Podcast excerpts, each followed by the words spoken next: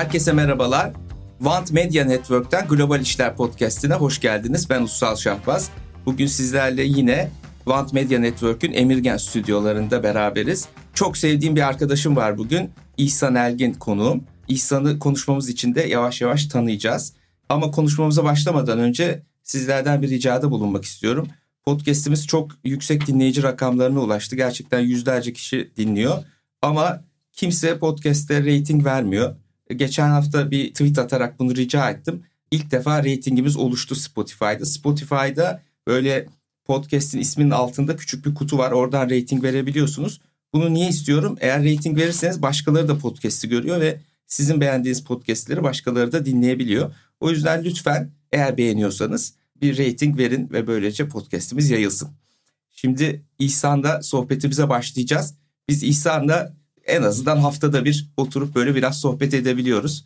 Bugün kendi aramızda konuştuğumuz bazı şeyleri e, siz değerli dinleyicilerimizle paylaşacağız. Ve en çok konuştuğumuz böyle arada bir konuşmalarımıza hakim olan temalardan biri de şu. Dünya biliyorsunuz sürekli değişiyor ki zaten bu podcast'in konularından biri de o. Bu değişimin en önemli nedenlerinden biri teknolojik değişim. İşte bir gün Chat GPT çıkıyor. Chat GPT'den önce kripto vardı geçen senelerde. Böyle küçük küçük hype'lar oluyor. Herkes bunlara motive oluyor. Sonra bunlar geçiyor ama bizim hayatımız devam ediyor. Bir yandan da insanın hayatında evreler var değil mi? Doğuyoruz, büyüyoruz, okulu bitiriyoruz, iş hayatına giriyoruz, çalışıyoruz. Bir gün belki emekli olacağız. Böyle evreler de var.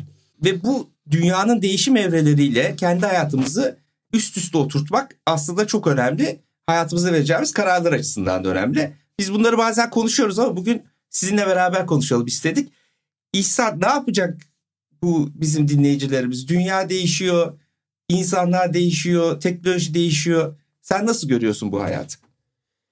Evet, öncelikle sağ ol sohbete davet ettiğin için beni de. Dediğin gibi birlikte hep konuşuyoruz, tartışıyoruz. Şimdi bakalım başkalarının da ilgisini çekecek bir konuşma mı olacak? Esasında doğru yani dünya değişiyor filan ama tabii yani olayı sırf teknoloji diye indirgememek lazım. Tabii. Zaten biliyorsun yani belli eğriler var. Teknoloji değişiyor. Ondan bir 7-8 sene sonra insanlar o teknolojiye adapte oluyor. Arada başka değişimler olması gerekiyor. O da nedir? Kültür. Ona ayak uydurması lazım. Arkadan regülasyon onu desteklemesi Doğru. lazım. Ki hepimizin hayatına entegre etsin. Şimdi bu dönüşümler, değişimler esasında doğal. Neden? Çünkü bu değişmeyen hiçbir şey hani yaşayamaz varsayımıyla bir şeylerin değişmesi lazım. Tabii bazı değişimler de tüketim için. Hı hı. Yani onu da kabul etmek lazım. Bir şeylerin belli dönemlerde değişip yeni dalgalar, yeni tüketim, yeni meşgaleler yaratılması lazım ki insanlık devam etsin. Doğru. Bundan heyecan alsın. Ama tabii seninle sohbetimizde olduğu gibi yani bunu kendi hayatımız ve felsefik taraftan baktığınızda ben dönüp kendi hayatıma bakıyorum. İşte yaklaşık böyle 5 yılla 8 yıl arasında belli döngüler var. Hı hı. Bunun tabii eğitim tarafını hızlı geçelim. Tamam. Boş verelim. Eğitim sonrasına bakalım. Bir profesyonellik dönemi var. Ama eğitimde de. Tabii tabii. 7 yıl lise. Yani. İşte 4 yıl üniversite, üniversite. sonra master da yaptın falan. Yani, Onda da var değil mi Aynen öyle araya askere evet, gidiyorsun zaten. Doğru. Bizim zamanımız açısından doğru. söylüyorum. O yüzden de o da öyle bir döngüsü var. Yüzde yüz doğru. Arkasından da bir 5-6 sene iş hayatına adaptasyon senesi var. Benim için o profesyonel bir dönemdi. Yani koç grubunda çalıştığım. Ama ondan sonra kendini anladığın ben ne işe yararım, neyi çözebiliyorum, nerede ben bir şey yaratırım dedikten sonra onu nereye adapte edeyim dediğim bir döngü var. Bu senin esasında iş hayatındaki ikinci böyle biraz daha kalfalığa doğru diyelim Hı-hı. gittiğin bir dönem. Ondan sonra da katma değerin yanında yani yetkinliğin anlamının yanında bir, bence şurada bir duralım. Sen o dönemde bir iş kurmuştun. Heh, Yanlış hatırlamıyorsam. Tabii benimkine yani. kestirirseniz ben orada esasında evet, iş hayatını çözüp işte master yaptık. Belli bir yöneticilik pozisyonuna geldik filan. Sonra ne yapacağız? Master'dan bir sınıf arkadaşıyla birlikte bakalım kendimiz gerçekten büyük bir şirkette başarılı gibi gözüküyoruz ama gerçekten dışarıda başarılı mıyız? Yani arkamda büyük bir marka olmadan, koca ekipler olmadan iki arkadaş da bir şey becerebiliyor muyuz? Yani ben girişimcilik tecrübem tabii 2007 yılında, 2006 yılında bugünkü gibi popüler olmadığı için şöyle başlamadı yani. Hani o girişimcilik çok popüler ben de bir kariyer seçeneği bunu yapayım. Öyle değil. Biz gaza gelip ama biz acaba gerçekten mi başarılıyız? Bir deneyelim. Bir şeyler başarabiliyor muyuz kendi başımıza? Veya kurumsal hayatın zorlukları da var yani. Tabii. Onlar arasında kaybolmayalım. Kendi kendimize bir bakalım ne oluyor dedik. O ikinci döngü başladı. Başladı. O işi kurdun ve sonra da sattın. Ha, o işte evet. Bir şey soracağım döngülere Tabii, devam tabii. etmeden önce laf açıldığı için. Aslında bence o bir büyük şirkette kurumsal hayatta çalışmaktaki gerekli becerilerle kendi işini yapmakta gerekli olan beceriler arasında ortaklıklar da var, farklar da var değil mi? Doğru, doğru. Aynen öyle. Esasında hayatta biliyorsun dualizm diye bir şey var. Hı hı.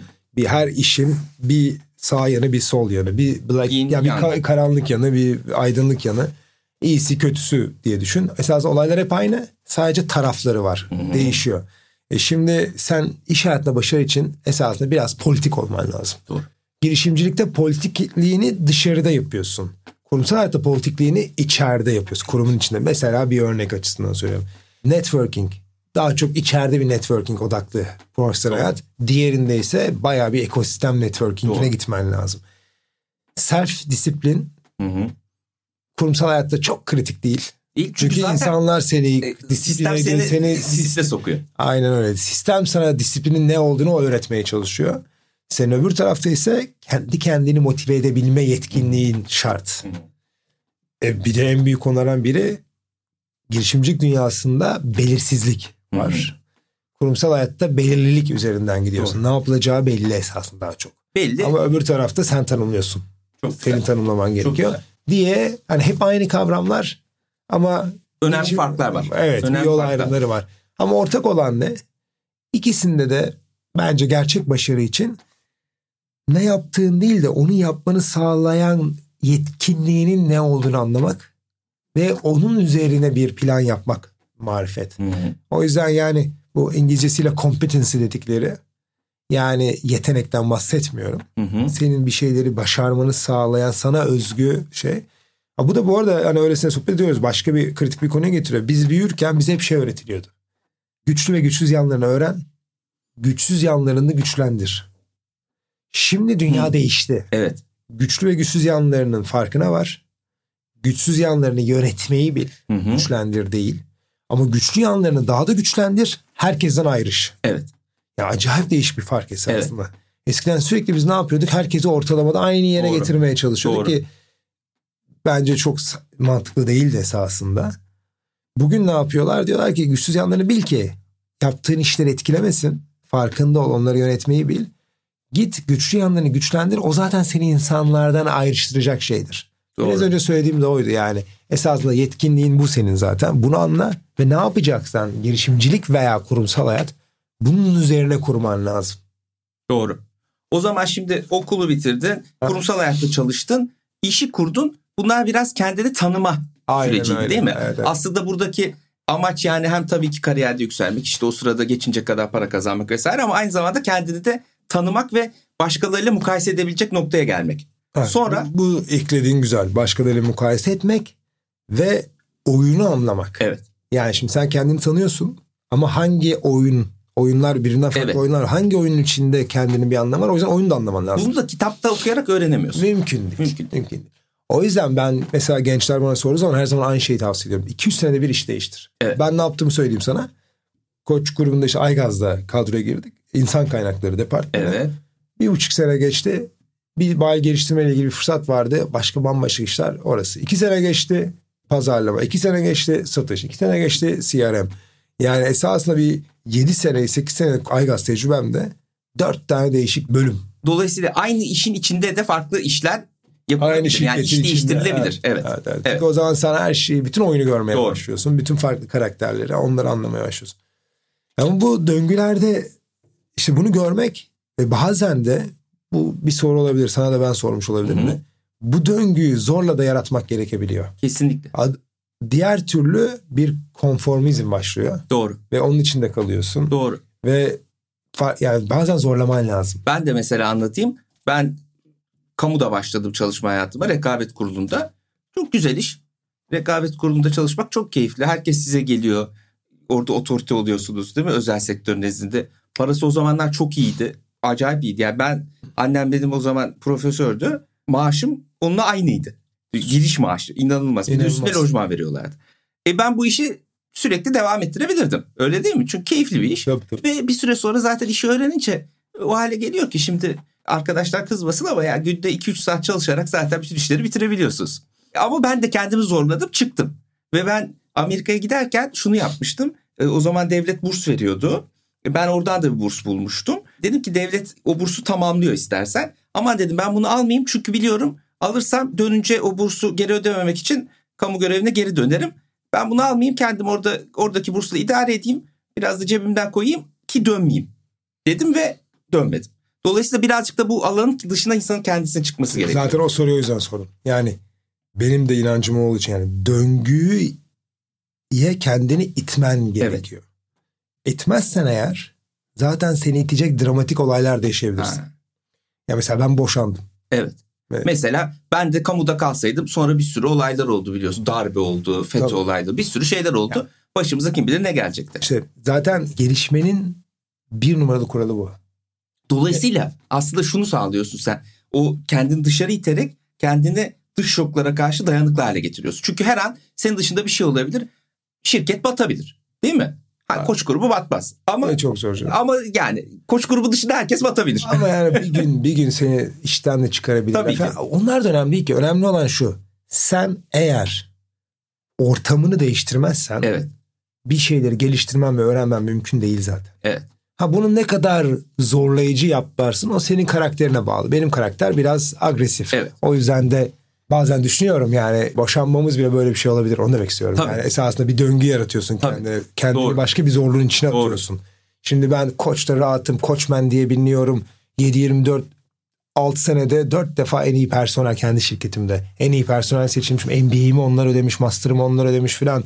Yani normalde benim hayalim oydu zaten. Evet. Hayalim, zaten hayalim bu kadardı. Şeye doğru gidiyordu. Ben genel iz, müdürlük, tabii İzmir'den İstanbul'a geldiğimde en büyük istediğim şey tabii. oydu yani. O kadar belki büyüyemesem bile genel müdür olsam yeterdi bana. Tabii doğru. Ve insanların bence bunu anlaması gerekiyor. Sen bir içinde bulunduğun ortamda kendine bir hedef, vizyon koydun da eğer ortamdan çıkmazsan hedefin vizyonun ne kadar iyi olduğunu bilemiyorsun. Test edemiyorsun. Çünkü. E, çünkü hani koymuşsun daha önceki dar görüşlerinle. Tabii. Anlatabildim mi? Daha önce bulunduğun ortamla. Yani o yüzden her yeni ortamda yeniden vizyonun hedefini gözden geçirmen lazım. O yüzden döngüyü yaratmak lazım. Benim mesela bir sonraki ne oldu? Üçüncü döngüye gelelim. Gel, ne oldu? Şirketimiz Amerika'da Amerika'nın en büyük sulama firmasına sattık ve işsiz kaldık tabii ki. Tabii. E, ama ne yaptık? Yeni bir döngü. Tekrar profesyonelliğe dönebilirdim. Bu bir seçenek. Evet. Koç grubu kapıları açıktı bana ama ne yaptım ben? İşte şans eseri Özyeğin Üniversitesi'nde Erhan Erkut Hoca ile tanıştım. Evet. İşte Üstü Bey ile tanıştık falan. Özyeğin Üniversitesi'nde akademik bir serüvene başladık. Girişimcilik merkezini kur, direktör ol, işte girişim fabrikası odur budur. Yaklaşık tam 6 sene sürdü. Yani hala okuldayım. Hala Hı-hı. ders veriyorum. Girişimcilikten sorumlu rektör danışmanıyım Özyeğin Üniversitesi'nde ama full yani okula gidiyorum. Ama tabii hayatım orada bir 5-6 senemiz bu konsantrasyonda. Orada ne oldu? Yine yeni bir dünya görüşü oluşuyor. Sürekli bakıyorsun diyorsun ya büyük şirketler girişimcilikle ilgileniyor. Bir dönüşüm var. Önce sistemi zorluyorsun. Ben evet. sistemi zorladım önce. Üniversite olarak bu işi yapmalıyız dedim. Buralara girmeliyiz. Rektör değişikliği falan onu tam motive olunamadı. Yani üniversitede herhangi bir şey yapmak çok zor zaten. Daha, hani, hani o dönem için doğrusu o değildi belki. Orası haklılar. Ben de o zaman dedim ki ben bunu kendim yapayım. Gittim Core Strategy diye bir şirket hmm. kurdum. Yani yeni 3 4. döngü başlıyor. Evet. Yani çünkü öbürküsü de bir 6 sene. Doğru. Akademisyenlik. Doğru. Akademi o dönemi de şöyle düşünüyorsun. Esasında belli bu döngüler dedim ya 5 6 7 yıl. Bu döngüden ilk 2-3 yılı öğrenme döngüsü. Çünkü yeni Hı-hı. bir şeye girdin ya. Evet. Onu adapte ol, öğren, anla, birikim yap, biriktir. Özümse 3-4 senesi onunla ilgili üretimini yap. Evet. Sonra yeni döngüye geç, yeniden öğren. Bu çok önemli çünkü gerçekten insanın bir öğrenme süreci var değil mi? 2 yıl, 3 yıl neyse. Ve o öğrenme sürecini yaşamadan da orada verimli bir şekilde uygulamayı yapamıyorsun. Yani sistemi oturttuktan sonra tık tık tık tık bazı şeyler geliyor. Dolayısıyla belki dinleyicilerimiz arasında merak edenler varsa tavsiye olarak söyleyelim. Yani biraz da sebat etmek gerekiyor. Siz o döngüyü bir buçuk iki senede bırakırsanız o emeğinize de ziyan oluyor. Aynen öyle. Çok güzel bir nokta. Mesela ben o konuda kendimi iyi buluyorum. Hangi Hı-hı. açıdan? Şimdi ben bu üniversiteye geldim. İlk iki yıl beni kimse çıtımı duymaz. Herkesle konuş, her türlü eğitime git, herkes dinle, her şeyi oku, her şeyi anlamaya çalış, yorumlamaya çalış filan. 3-4'te oralardan fikir üretmeye başla. Hmm. Bir şeyler söyle, bir katkı ver. Ondan sonra baştan sen yapmaya başla. Sen uygula, sen yarat işte girişim farkları onlar bunlar. O bir döngü yani. O döngüde de ilk iki senede öğrenmeye sebat etmen. Evet. Diğer iki senede üzerine eklemeye sebat etmen. Sonra da sıfırdan senin üretebileceğin bir hale gelmen. Sonra ne oldu zaten bende? İşte danışmanlık. O da 7 yıl sürdü biliyor musun? Çok ilginçtir. 7. yılında satmışım 7. şirketi. yılda sattın. Tam yani hani bilerek Evet. değil ama 7. yılında şirketi satmışız. Neden? Şirkette öğrendik, danışmanlık büyüdü, insanlara ver, o bu fırsatı yakaladık sattık. Şimdi yatırımcılıktayız. Borsa stratejide yaptığın işte onu da bir anlatalım. Tabii. Büyük kurumsal şirketlerin aslında kendi başlarına yapamadıkları dönüşümleri, bu dönüşüm nedir? Yeni ürün çıkartmak, yeni fikirleri ticarileştirmek, kurum içinde bir girişimcilik kapasitesi yaratmak veya dışarıdaki girişimlerle beraber çalışmak.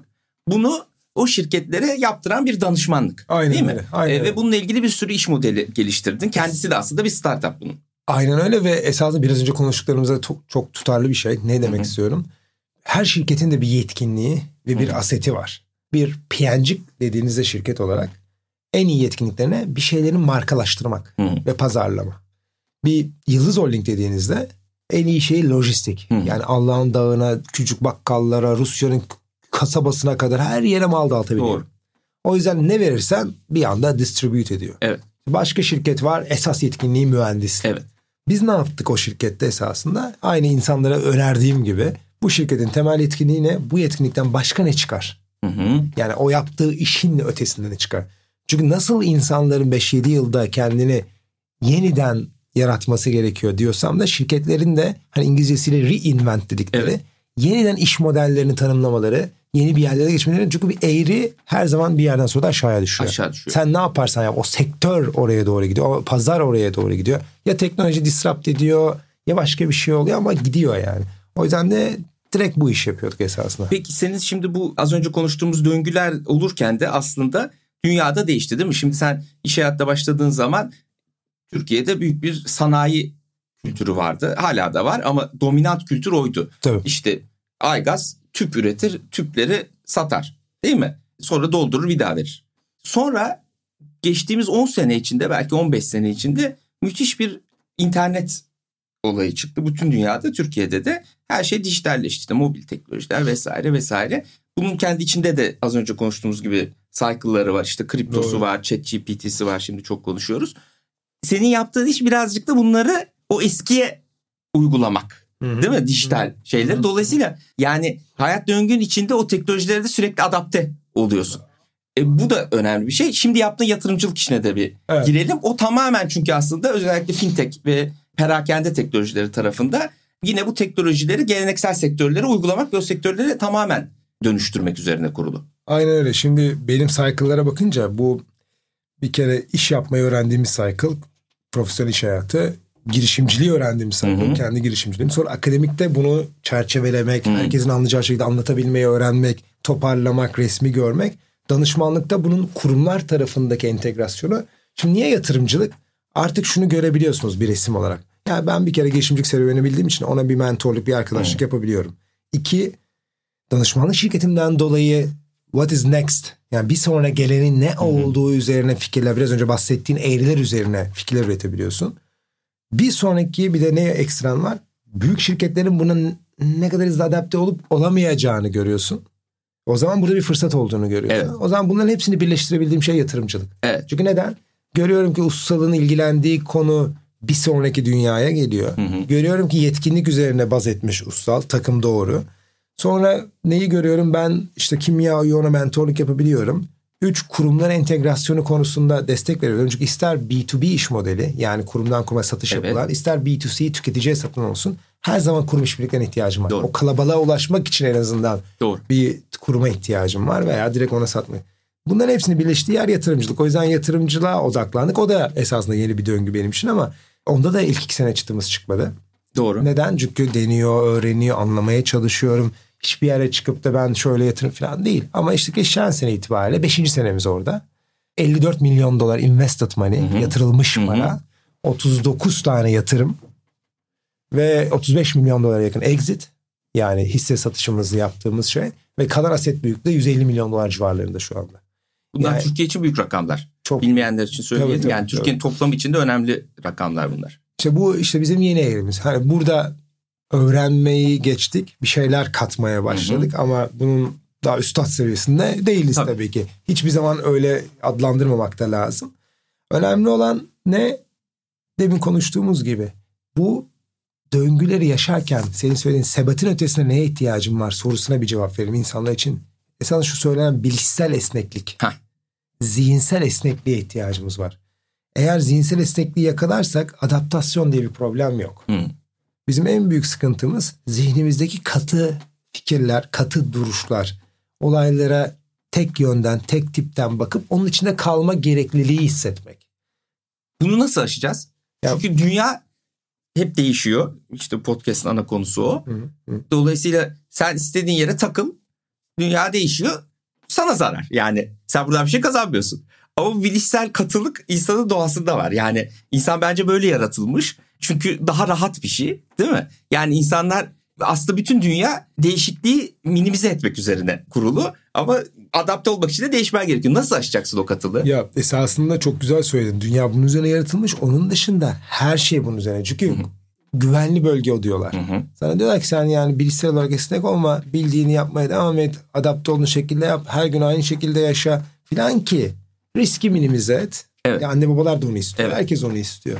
Bunu aşmanın bir yolu olayları yaşarken kendi kendine değiştirmeye başlamak. Hı hı. Mesela yani çok basit örnekler. Her gün aynı yoldan gitmemek derler ya. O da Hı hı. esasında bilişsel esnekliğin bir parçası. Doğru. Ya da her gün aynı süreçte işleri işlememek. işleri terse çevirmek. Hı hı. Önemli olan esasında ne yapmak istediğine net olmak. Neye sahip olduğunu iyi bilmek. Aradaki nasıla takılmamak. Takılmamak. Ve bunda değişik varyasyonlar denemek mi? Evet. Nasıl her gün nasıl için yeni şeyler denemek. Yani bu ritüel konusu güzel bir şeydir. Benim ritüellerim var. Her sabah bunu yaparım. O ama yani bir insanın her şeyde ritüel olamaz. Hı hı. O yüzden de senin yapma şeklini sürekli yeni şeyleri deneyerek basit basit şeyleri zihninin kalıplarını hep kırman gerekiyor. Küçük küçük değişikliklerle. Evet. İnsanlar bir anda büyük değişim yapamazlar. Hı hı. Ya sen her gün aynı şeyleri yiyor, aynı şeyleri içiyor, aynı insanlarla görüşüyor, aynı kafeye gidiyor, aynı şey yapıyorsan zaten büyük değişimleri yapman da mümkün değil. Doğru. O yüzden içine serpiştirmen lazım. Önemli olan sonuçta ne yapmaya çalıştığın, nasıl değil. Biz sonuca konsantre olabiliriz. Ama sonucu da bilmiyoruz. Evet ama sonuca konsantre. Yani ben bunu yapmak istiyorum. Okey ama nasıl değişken. Peki yorulmuyor musun? Heh, oo, çok güzel soru. evet yani yorucu tabii biraz yorucu. Orada önemli olan ne? Bu yeni dünya tabirleriyle well-being, mental health falan gibi gezen kavramlar yani. Abi ben şeyi oturtmaya başladım. Yani insanların esasında illa iki hafta tatile, 20 gün bilmem ne ihtiyacı yok. Kısa molalara ihtiyacı var. Bu kısa molalarda da ama şeyle olmuyor. Aynı ortamdan tamamen kopmam mümkün değil. O yüzden de tamamen ortamını değiştirmem. Mesela ben şeyi çok tercih ediyorum. Yani ayda bir kere bile olsa birkaç gün veya bir gün bile olsa bulunduğun ortamdan tamamen değişmek, sohbetleri tamamen değiştirmek insanı sakinleştirip rahatlatan Doğru. şey o. Yani şöyle bir şey var.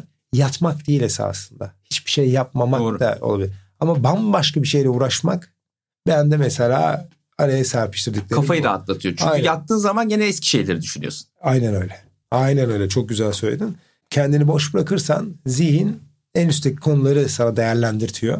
Hadi Hı hı. biraz daha vakit geçerse bir altta ya yatan konuları değerlendirmeye başlıyor ama seni yine aynı nöronlarını yoruyor. Doğru. Oraya Doğru. elektrik yüklüyor. Doğru. O yüzden senin başka nöronları çalıştırman ve öbür taraftaki nöronların sönmesine izin vermen lazım ki zihinsel rahatlığa kavuşsun. Doğru. Şimdi yavaş yavaş bitireceğiz. Tamam. Evet, ama tabii bitirmeden önce her e, bu aradaki podcastimizde olduğu gibi bir chat GPT sorusu sormam Aa, gerekiyor. tabii tabii. Şimdi chat GPT'yi sen de kullanıyorsun.